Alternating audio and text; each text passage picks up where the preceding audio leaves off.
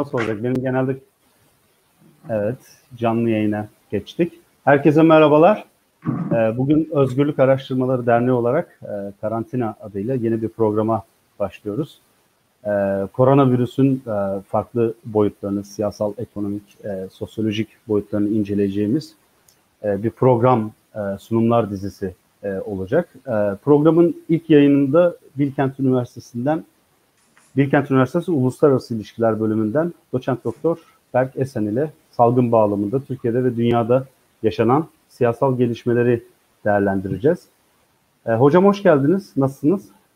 Ee, hoş bulduk Ömer Faruk. Bu arada hayırlı olsun yeni programın. Ee, Teşekkür ediyorum hocam.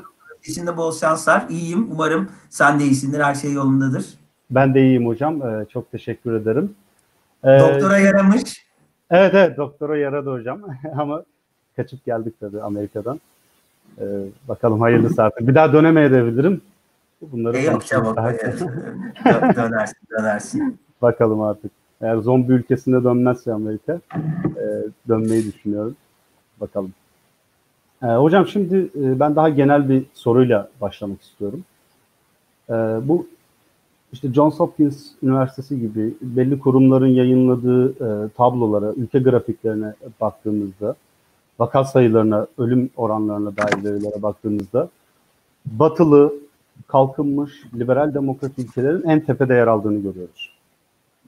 Ee, siyaset bilimciler de işte rejim tipi, devlet kapasitesi, sağlık sistemi, küreselleşme gibi e, kavram ya da olgular üzerinden bu tabloyu açıklamaya çalışıyorlar, anlamaya hı hı. çalışıyorlar. E, bir, siz bir karşılaştırma siyasetçi olarak e, bu tabloyu ülkelerin sıralamalarını, performanslarını nasıl değerlendirirsiniz? Yani hangi kavramlar anlamlı sonuçlar e, elde etmemize yardımcı olur? Hı hı. Yani belki bu analizi yapmadan önce şöyle bir ufak tespit yapmam gerekiyor. O da sanırım e, yani hiçbir ülkesi e, tam anlamıyla vaka sayısını ve daha da önemlisi ölüm sayısını yani koronavirüsünden kaynaklanan ölü sayılarını doğru düzgün bir şekilde ölçemedi. Yani tespit edemedi. Hı tespit edememeye devam ediyor. Çünkü e, bu daha önce bizim karşılaşmadığımız bir virüs ve aynı şekilde e, tabii e, semptom göstermeden birçok insan e, bu virüse yakalanıyor ve bir şekilde atlatıyor. Dolayısıyla ben şu an önümüzde olan rakamların e, hiçbir ülkede tam anlamıyla gerçek rakamları gösterdiğini ya da gerçek tabloyu yansıttığını düşünmüyorum.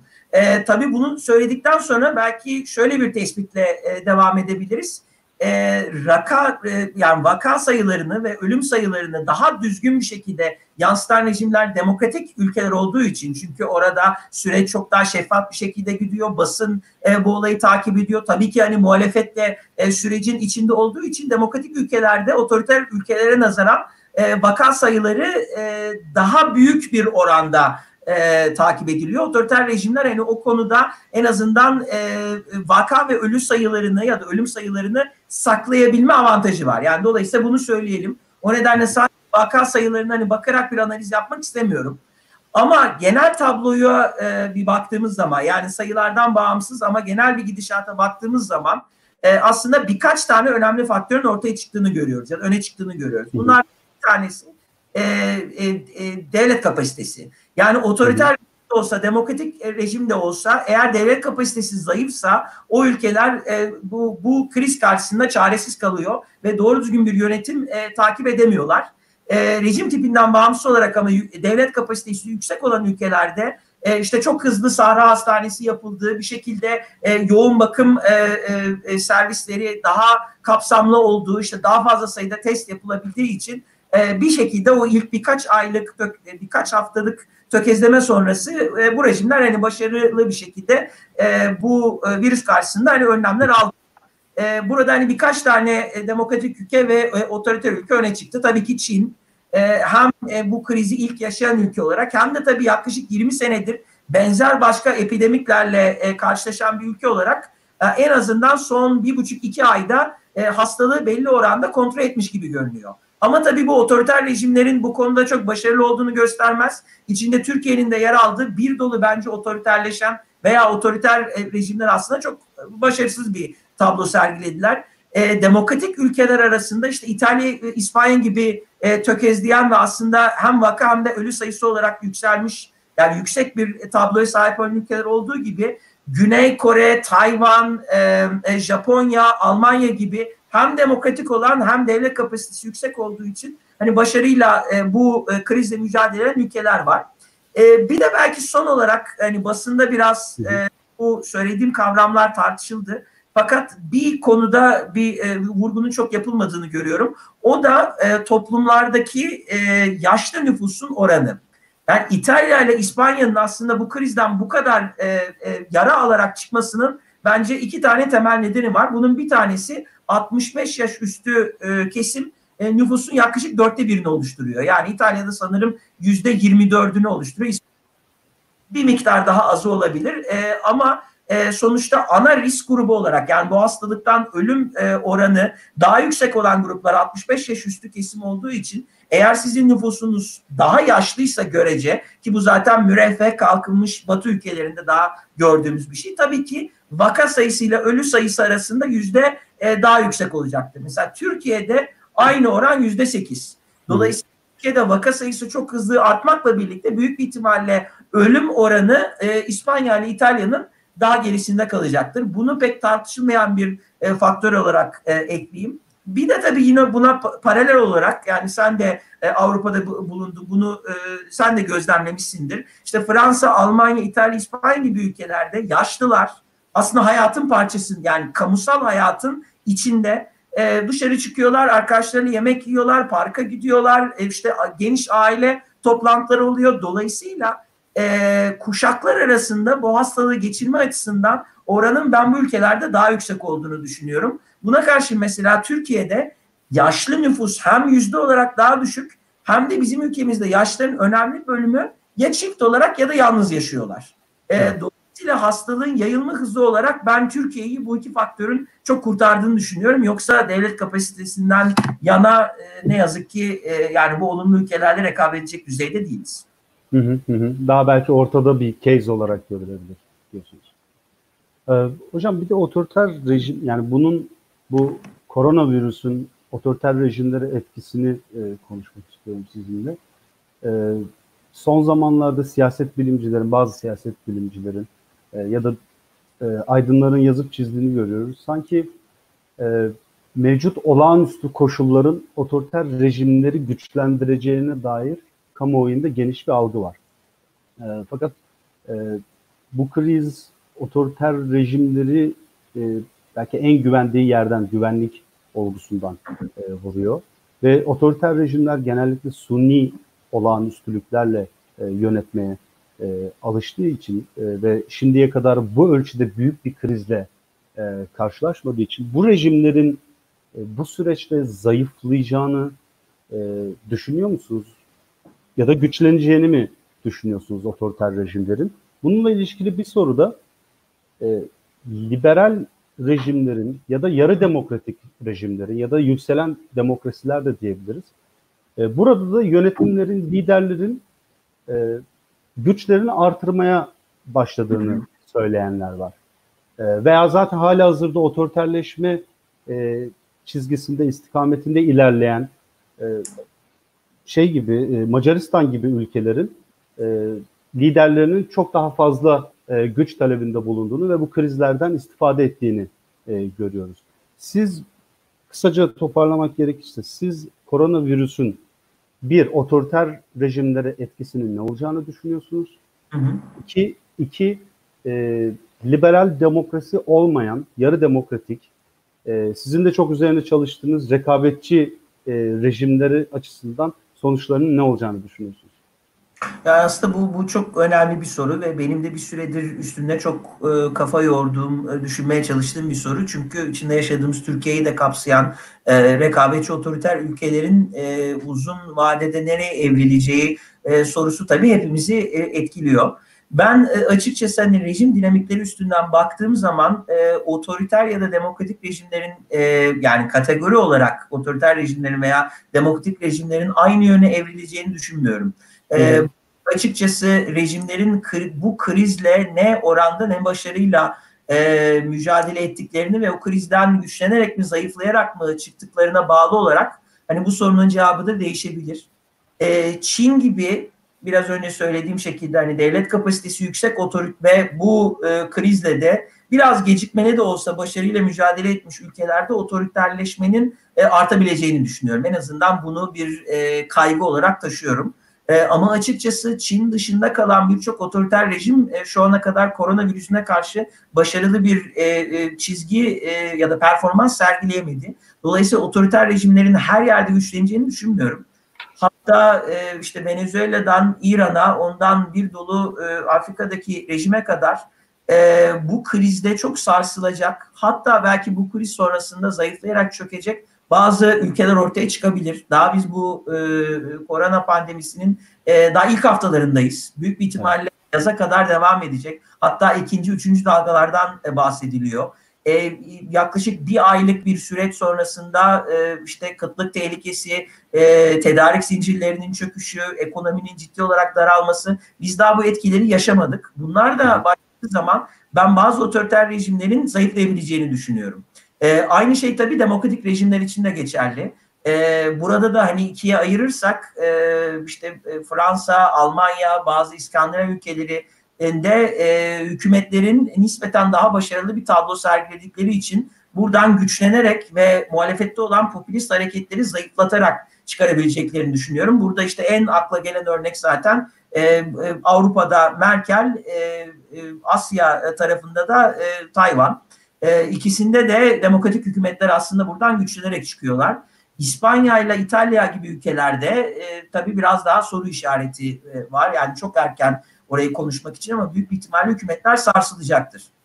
En son e, soruna gelecek olursak yani bu ikisi arasında yer alan melez rejimler dediğimiz e, işte rekabetçi e, otoriter veya işte demokratik gerileme yaşayan e, e, rejimlerde daha farklı bir e, tablo ortaya çıkabilir.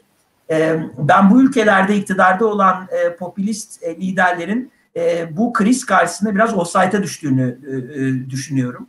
Ee, biraz önce sen de zaten sorunun içinde söylemiştin. Ee, bu popülist otoriter liderler genelde sünni krizler üstünden güçlenirler. Yani aslında ortada belki bir sorun vardır ama var olan sorunun kapsamını çok büyütüp daha doğrusu büyükmüş gibi gösterip e, o krize karşı kendi taraftarlarını koruyacak tek e, alternatif olarak e, kendilerini gösterirler ve bunun üstünden giderek güç toplarlar.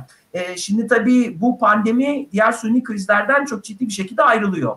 E, ayrılma nedeni de şu, bu gerçekten bir kriz, küresel bir kriz. E, ve açıkçası medyayı kontrol etmek ya da parlamentoyu susturmak e, bir şekilde bu krize çözüm olmuyor.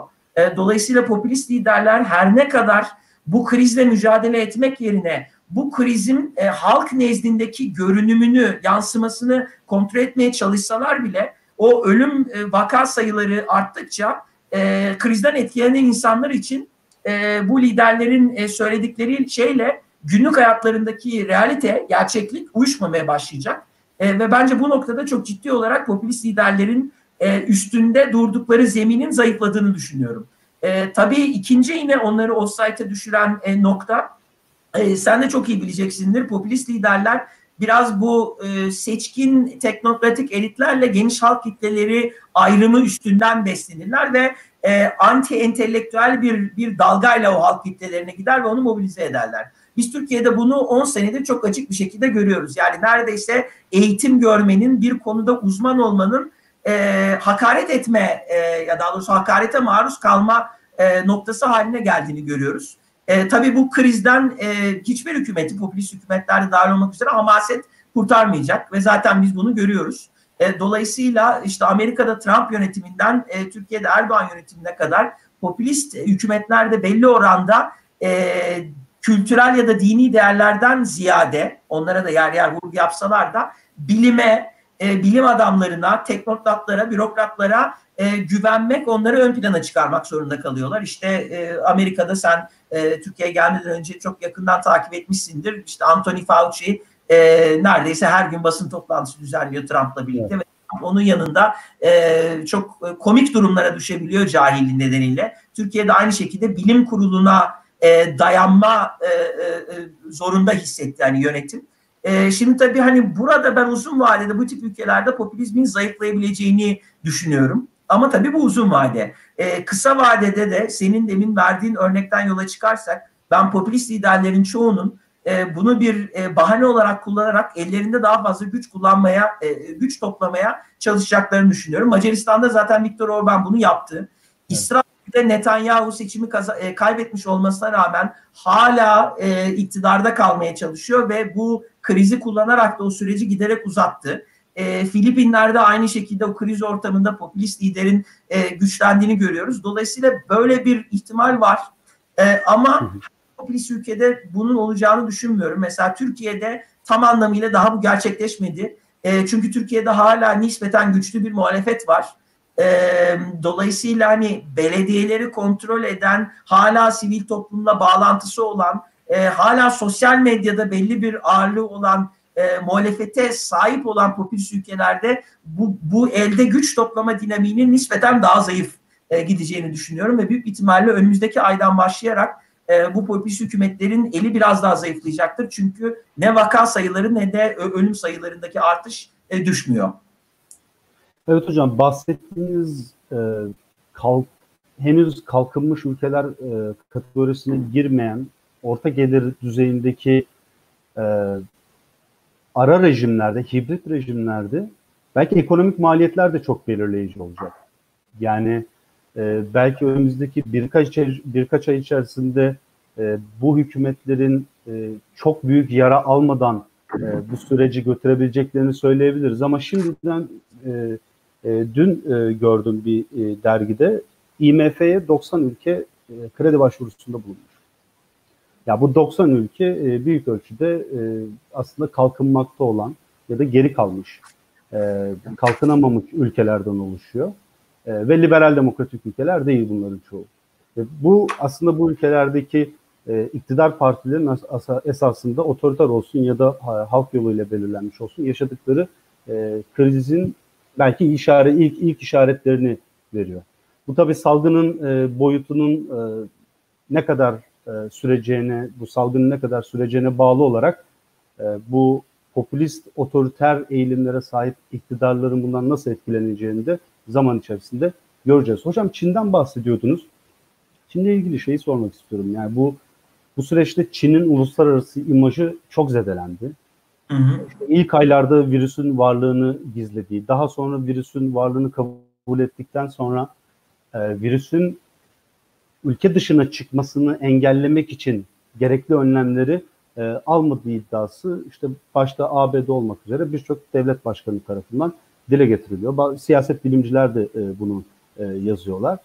E, siz bu sürecin e, sonunda Çin'in küresel gücünün olumsuz e, etkileyeceğini, rakipleri tarafından daha tırnak içinde meşru biçimde e, köşeye sıkıştırılacağını düşünüyor musunuz? Ee, böyle bir gelişmenin olacağını düşünüyorum. E, açıkçası e, tabii pandemi devam ederken e, birçok ülke ve e, uluslararası organizasyonlar ki bu başında Dünya Sağlık Örgütü geliyor, alenen Çin'i eleştirmek istemeyeceklerdir.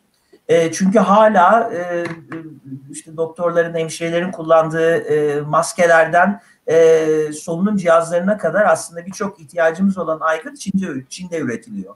E, Dolayısıyla böylesine büyük bir küresel krizle mücadele ederken kimse Çin'i direkt olarak karşısına almayacaktır. Bunun şu ana kadar gördüğüm tek istisnası e, işte Amerika biraz da İngiltere'de iktidarda olan sağ popülistler e, kendilerinden o eleştiri yani kendilerine yönelmiş eleştirinin biraz hedef şaşırtmak için e, biraz da haklı olarak yani senin söylediğin nedenlerden dolayı olarak Çin'in bu e, krizdeki sorumluluğunu gündeme getirdiler. Ama onun dışında e, Çin'in rolü çok geniş kapsamlı şekilde tartışılmıyor. Ama büyük bir ihtimalle e, bu pandemi bittikten sonra tartışılmaya başlayacak ve tartışılması gerekiyor.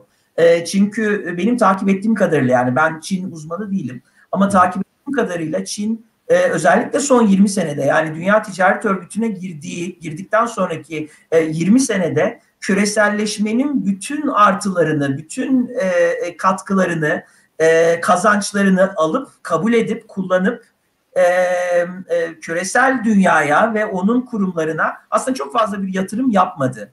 E, böylesi açık ekonomik düzenden fayda sağlarken öte yandan kendi politik sisteminde hiçbir e, açılmaya gitmedi. Yani ekonomik liberalizasyonu bile tam yapamamakla birlikte böyle bir e, devlet kapitalist yapıyı inşa ederken e, ülke içinde çok kapalı ve giderek aslında daha kapanan bir siyasi sistem e, inşa etti. E, benim umudum ve belli oranda tahminim e, bu krizden sonra Çin e, küreselleşmenin bütün faydasını kullandığı ama hiçbir maliyetini ödemediği e, o çizgiyi devam ettiremeyecek. E, dolayısıyla büyük bir ihtimalle özellikle Batı ülkelerinden bu yönde eleştiri gelecek. Hatta belki taz, tazminat davaları açılacak. Hani Çin bunları öder ödemez ve nasıl bir müzakere gündür onu e, şimdiden değerlendiremiyorum. Biraz da uluslararası hukukun konusu. Ama büyük bir ihtimalle hani Çin bu tarz bir eleştiriye girecektir. Çin açısından bence e, kaygı duyulması gereken ikinci nokta da şu.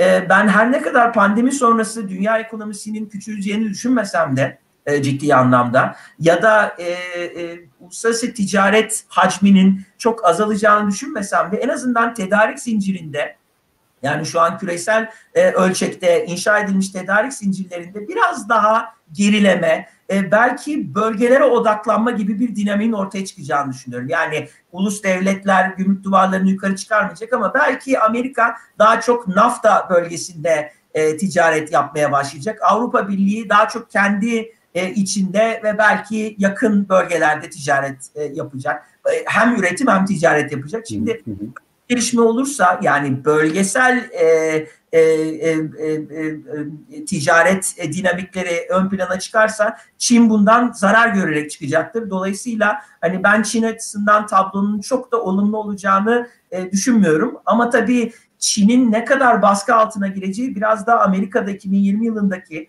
yani bu sene Kasım ayında gerçekleşecek başkanlık seçimini kimin kazanacağıyla da alakalı. Eğer e, tekrar kazanırsa büyük ihtimalle şimdi yaptığı gibi çok di, e, e, direkt bir şekilde eleştirilerini yapacaktır ve orada ticaret savaşı daha da güçlenebilir. Eğer Biden veya demokratların e, aday göstereceği biri e, kazanırsa büyük bir ihtimalle Amerika tekrar Batı dünyasına liderlik yapmaya çalışan bir ülke e, olarak e, devam edecektir. E, ikisi çok farklı tabii seçenekler. E, onu şimdiden kestirmesi çok zor. Hı hı, tamam hocam çok teşekkür ederim. Ee, şimdi e, Türkiye'ye gelmek istiyorum. Biliyorsunuz hafta sonuna e, damgasını vuran e, Süleyman Soylu'nun istifası e, meselesi var. E, ve aslında istifadan önce de bir sürü şeyler e, tartışılıyordu.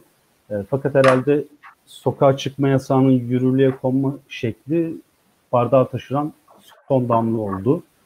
E, muhtemelen belli ki çok e, bardak çok daha önceden dolmaya başlamıştı e, esasında. Çünkü daha önceden de biliyoruz bir kere daha Süleyman Soylu'nun e, istifa girişimi olmuştu hı hı. ve o istifası da e, kabul edilmemişti.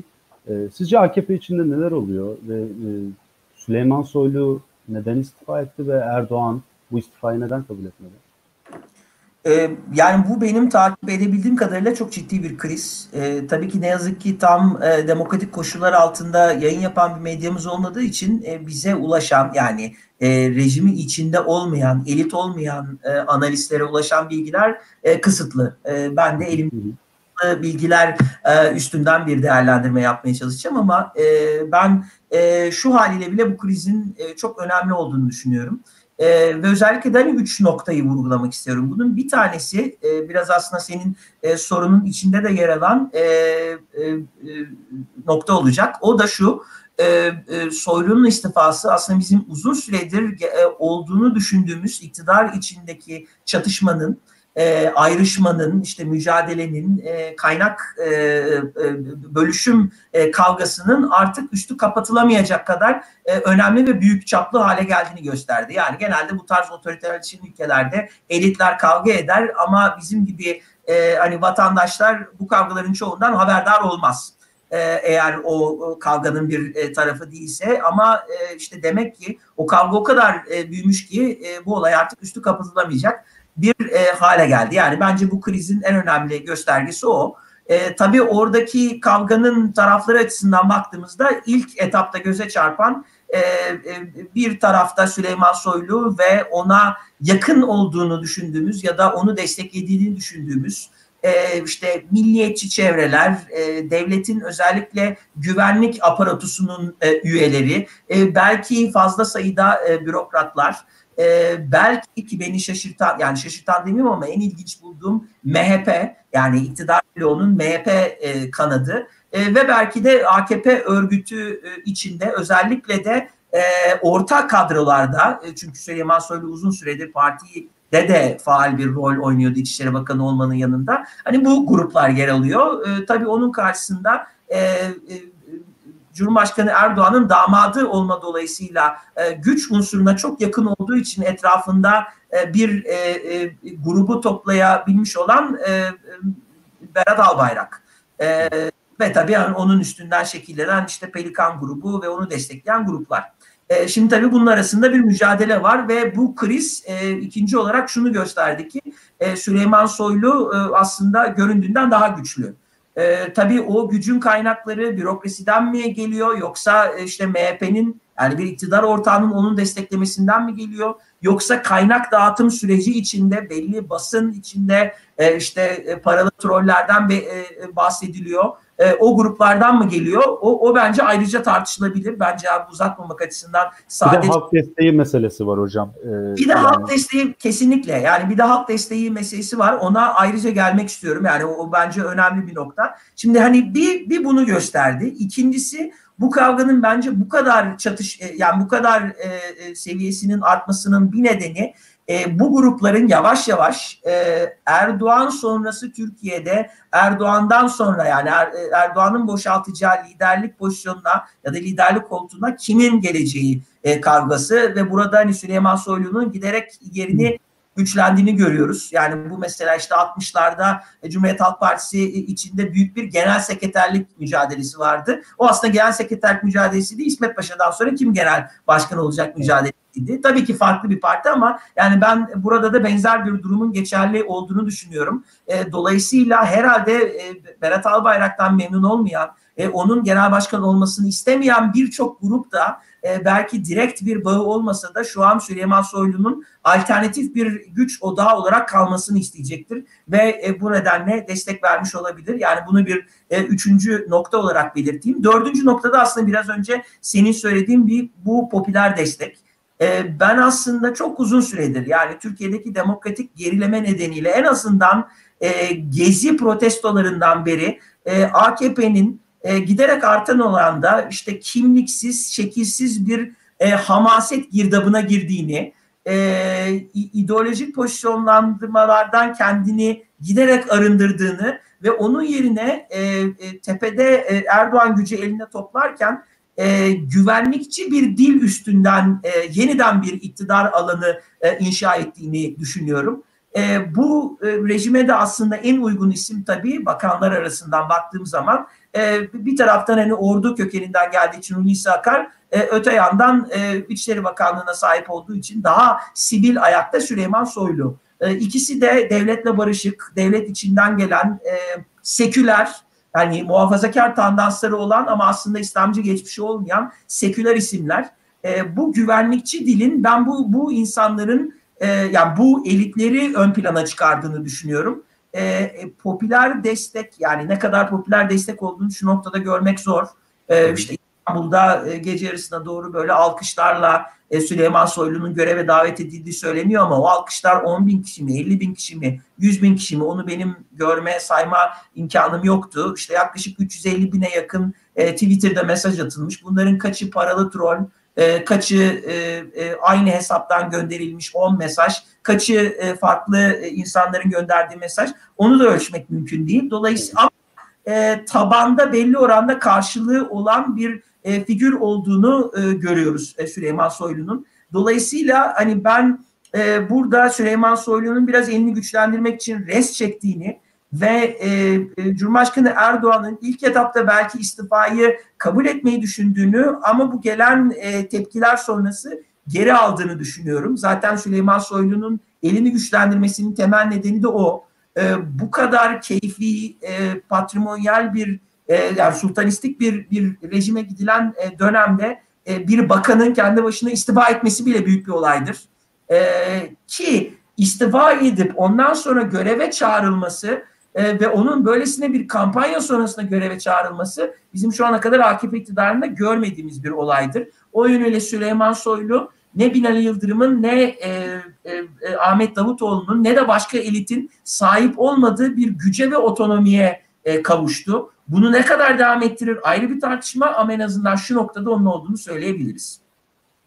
Hocam hep şey derler ya insan e, nisyan ile maluldur diye. E, ben bunun bundan Erdoğan'ın e, muaf olduğunu düşünüyorum. Hani e, Erdoğan'ın unutan e, bunu unutacak bir lider olduğunu düşünmüyorum açıkçası. E, bu, bu ciddi bir rest çünkü ve bu rest Erdoğan'ın belki hem partisi üzerinde e, hem de devlet kurumları üzerinde en güçlü olduğu bir zamanda gerçekleşti. Ama aynı zamanda bir kriz ortamında gerçekleşti. E, sizce Erdoğan e, e, tabii şeyleri de görebilir, e, halk desteğini e, görebilir. E, ama ben yine de e, parti içerisinde Süleyman Soylu'nun bir klikle, e, bir grupla e, parti dışına e, çıkacağını e, pek düşünmüyorum açıkçası. Ama halk desteği özellikle işte Karadenizli, İç Anadolu e, milliyetçi e, seçmen nezdinde oldukça itibarı yüksek bir e, siyasetçi e, Süleyman Soylu. E, sizce Erdoğan e, bunu unutur mu? Yoksa e, bu işin icabına bakması için daha müsait bir zamanı krizin geçmesini mi bekliyor? Yani en nihayetinde Erdoğan'ın da öyle zannediyorum ki Erdoğan'ın kafasında da yani Erdoğan çok yaşlı bir lider değil. E, 85 yaşında değil. E, ama yine de e, yaşlanan, yorulan liderler hep kendisinden sonrasına dair bir e, plan e, yaparlar. Kafalarında bir şey vardır. Birileri onların gözünde yükselir, birileri gözünden düşer vesaire. Süleyman Soylu burada nerede konumlanıyor sizce? Erdoğan e, bu işin icabına nasıl bakacak?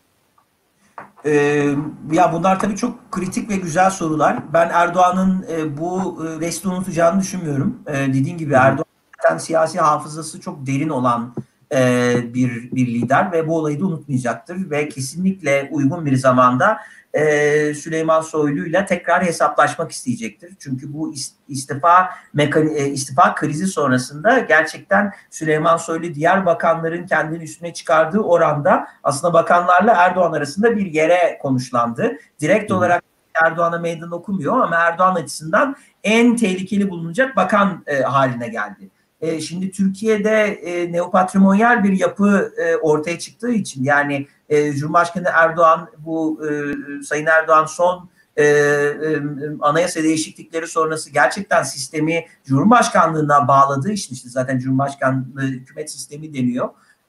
Aslında onun istediği güçlü parti, güçlü parlamento, güçlü siyasi kurumlardan ziyade kendisinin emrinde direktifleriyle iş yapacak ve birbirleriyle anlaşmayacak yani birbirleriyle rekabet edecek bakanlar. Dolayısıyla Süleyman Soylu'yla Berat Albayrak'ın veya başka bir bakanın arasında husumet olması aslında Sayın Erdoğan açısından sıkıntılı bir siyasi tablo değildi. Çünkü e, bu rekabetin devam etmesi aslında hiçbir figürün tam olarak sivrilmemesini ve dolayısıyla e, Sayın Erdoğan'a da e, bir siyasi rakip olarak e, onun karşısına çıkmamasını sağlıyordu. Süleyman Soylu bu son hareketiyle biraz bu oyunu bozmuş oldu ve bu oyunu bozduğu oranda da e, sıkıntı yaratmış oldu. Bence daha da kritik olan nokta ve popüler desteğin bile ötesinde e, işte sosyal medyadan takip ettiğim kadarıyla Süleyman Soylu şunu gösterdi. Hem bir tabanı var milliyetçiler arasında işte özellikle Karadenizli ve İç Anadolu ve e, e, son dört senede HDP'ye ya da işte Kürt siyasi hareketine karşı takip edilen agresif politikaları destekleyen bir kesimin e, kendisini desteklediğini gösterdi ama daha da önemlisi iktidar bloğunun bir parçası olan MHP'nin ciddi desteğine sahip olduğunu gösterdi. Yani aslında Süleyman Soylu da anlaşılıyor ki kendi içinde bir oyun planı var ve ciddi bir oyun oynuyor. E, ve o oyunun içinde hem bir taban e, sağlamak var hem kendisine bir siyasi ajanda sağlamak var. İşte o da e, takip edilen güvenlikçi politikalar oluyor. E, hem de MHP'nin desteğini alarak onun karşı, o, o destek sayesinde Erdoğan'la birebir müzakere edebilmek var. Şu ana kadar hiçbir bakanın böyle bir avantajı yok. Berat Albayrak dahil olmak üzere. E, dolayısıyla Süleyman Soylu kendini güçlü bir noktaya getirdi. Ama burada şöyle, e, o da senin son soruna cevap olacak. Şöyle bir parantez açayım. E, bunun tabii bir tanesi zaten şu an iktidara yakın olan birçok milletvekili ve e, yani siyasetçi ve e, basın da bunu söylüyor. E, e, Sayın Erdoğan hala çok popüler. E, o taban açısından bir seçim yapmak gerekirse çoğunluğun destekleyeceği isim. Dolayısıyla Süleyman Soylu'la kafa kafaya bir kavga olursa rejim bundan zayıflayarak çıkar. Ama e, Sayın Erdoğan e, Süleyman Soylu'yu tasfiye edecek bir e, e, güce sahip. Ama daha da önemlisi e, korona krizi Türkiye'de büyüyor. Yani verilen sayılar ne kadar doğrudur ayrı bir tartışma ama verilen resmi rakamlar üstünden de baktığımız zaman Türkiye şu an vaka olarak 9. sırada büyük bir ihtimalle önümüzdeki hafta 8. sıraya çıkacak ve hızlı bir şekilde bir e, artış var. Cuma günkü olaydan sonra bu artış hızının daha da e, yükseleceğini düşünüyorum. Bu tablo sonrası AKP gücünü ne oranda korur? Erdoğan, Sayın Erdoğan'ın popülaritesi ne olur? Ya da bu olayın e, hesabı Süleyman Soylu'ya çıkarılabilir mi? Orada hala gerçekten ciddi sorular var. Süleyman Soylu açısından kritik dönemin hala devam ettiğini düşünüyorum. Hı hı, izleyip göreceğiz hocam. Ee, yine Türkiye ile ilgili AK Parti ile ilgili bir soru sormak istiyorum. Biliyorsunuz e, Türkiye'de ve dünyada çeşitli e, anketler yayınlanıyor. E, ülkelerin liderlerinin approval ratinglerini yani görev onaylarını ölçen bir takım anketler yayınlanıyor ve Türkiye'de de bir takım anket şirketleri bunlara dair bir takım anketler yayınladılar ve e, burada gördüğümüz bir ortak nokta aslında iktidar partilerinin e, görev onaylarının koronavirüs ortaya çıktıktan sonra arttığı yönünde.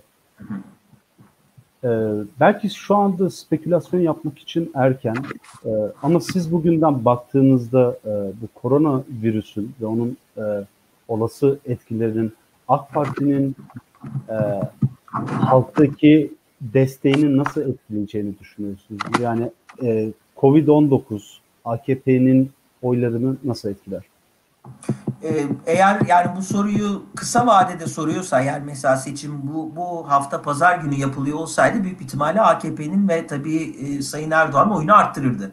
Çünkü zaten kriz esnasında çok ciddi bir çöküş yaşanmazsa e, iktidarlar yani ne rejim modeli, rejim tipi ne olursa olsun iktidardaki isimler, partiler e, desteklerini arttırırlar. E, çünkü seçmen nezdinde e, o, o krizle mücadele edecek e, meşru bir e, aygıt olarak tabii e, hükümet e, ön plana çıktığı için e, ve e, yani her gün olmasa da en azından düzenli bir şekilde o hükümetin başındaki isim ya da isimler işte basın toplantısı yaparak e, halka e, belli önlemler e, e, e, tavsiye edip e, önlemler e, önerdikleri ya da belli e, e, e, politikalar üstünden hani halkın e, karşılaştığı sıkıntılı durumu e, azaltmaya, değiştirmeye çalıştıkları için desteklerini arttırırlar. Ama zaman içinde tekrar normale döner. Ve işte o normale dönme sürecinde yani orta vadede o hükümetin o krizde ne kadar başarılı bir şekilde mücadele ettiğine bağlı olarak e, iktidar partisi e, ya da iktidar partileri desteklerini arttırır veya düşürür. Ben Türkiye'deki açıkçası tabloyu yani hükümetin performansını çok olumlu e, ve başarılı bulmadığım için e, açıkçası kısa vadeden kısa dönemden sonra bir düşüş e, yaşanacağını düşünüyorum. E, zaten aynı durum işte e, 15 Temmuz darbe teşebbüsü sonrasında olmuştu. E, Suriye'deki askeri hareketler harekatlar sonrası olmuştu. E, mesela e, darbe teşebbüsü sonrası Sayın Erdoğan'ın e, desteği yaklaşık %70'e çıkmıştı. Ondan sonra giderek e, 50'ler seviyesine e, indi. Hı e, burada da olacaktır.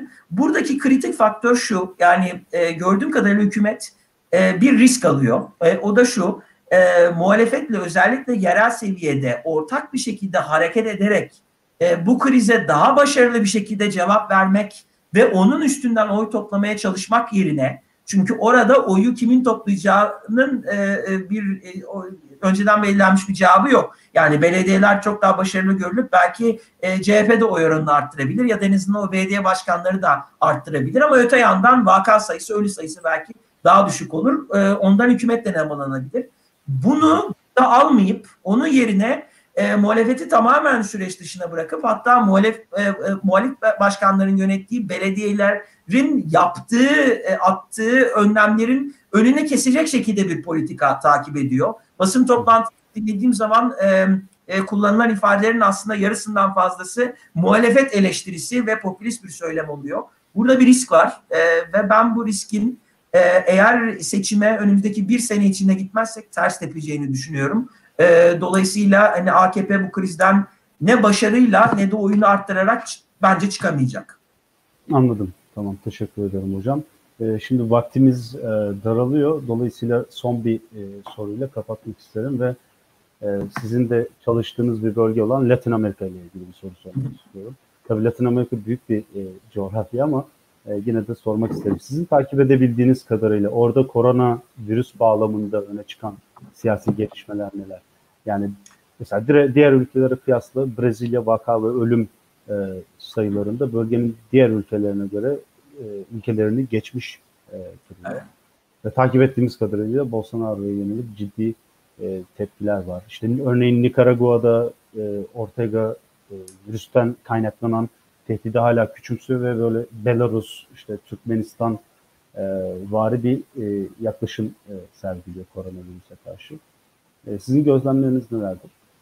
E, kesinlikle yani benim e, benim gözlemlerim de bu yönde. E, aslında biraz soruna da benzer şekilde cevap vermiştim. Popülist hükümetler yani dünya genelinde e, gördüğüm kadarıyla bu krizin e, vahametini tam olarak anlamış değiller e, ve aslında e, olduğundan daha e, düşük bir şekilde göstermeye çalışıyorlar. Latin Amerika'daki vaka sayısının arttığı ülkeler de zaten e, şaşırtıcı olmayacak bir şekilde popülistlerin yönettiği ülkeler. Sen demin örnek olarak Brezilya ve Nikaragua'yı verdin. E, işte Nikaragua'da biraz daha sol geçmişe sahip bir popülist e, liderin e, başında olduğu bir hükümet var. E, Brezilya'da da tam tersi sağ lider var. Ama iki ülkede de, de popülist liderler bu e, krizin önemini anlamadıkları için fazla da bir önlem almadılar ve dolayısıyla vaka sayısı hızlıca artıyor ki Brezilya çok kritik.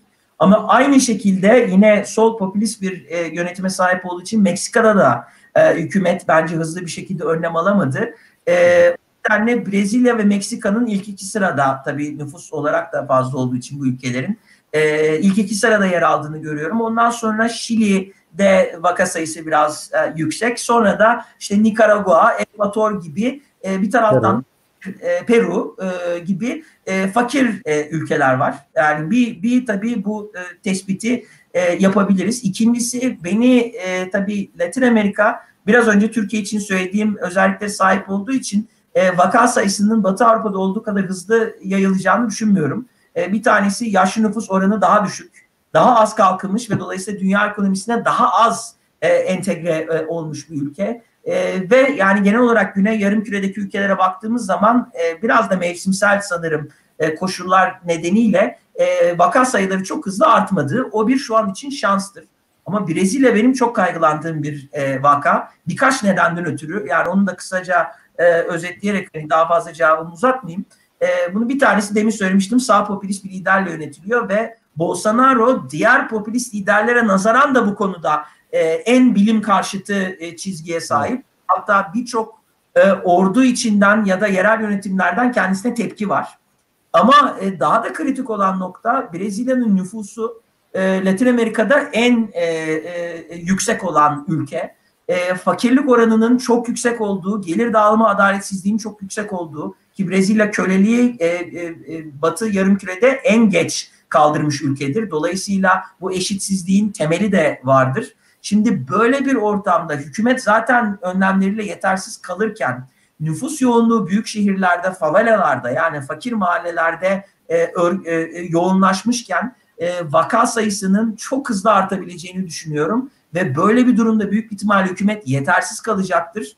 E, ya çok ciddi bir insani krize karşılaşabilir Brezilya, ciddi bir politik e, e, e, istikrarsızlık olabilir. Hatta eğer bu süreç devam ederse yani askerin yönetime el koyduğu demeyeyim ama e, ordunun giderek tekrar siyasete müdahale etmeye başladığı bir noktaya doğru gidebilir. Brezilya'da e, asker e, siyasete çok uzun süreler müdahale etmiştir. E, en son iktidara geldiklerinde 20 sene kaldılar ve zaten Bolsonaro da eski bir subay ve etrafına da bir dolu askeri kökenli bakan e, ve hükümet görevlisi e, e, atadı. Ben Brezilya'dan çok kaygılıyım açıkçası. Hı hı, tamamdır hocam. Çok teşekkür ederim. Ee, gayet verim, gayet verimli bir e, program oldu. Ee, bizi takip etmek isteyenler YouTube kanalımıza üye olabilirler. Twitter'dan bizi takip edebilirler. e, biz e, haftada bir programla e, bu karantina e, konseptimizi, e, uygulamamızı devam ettireceğiz. E, herkese iyi akşamlar. İyi akşamlar. İyi akşamlar.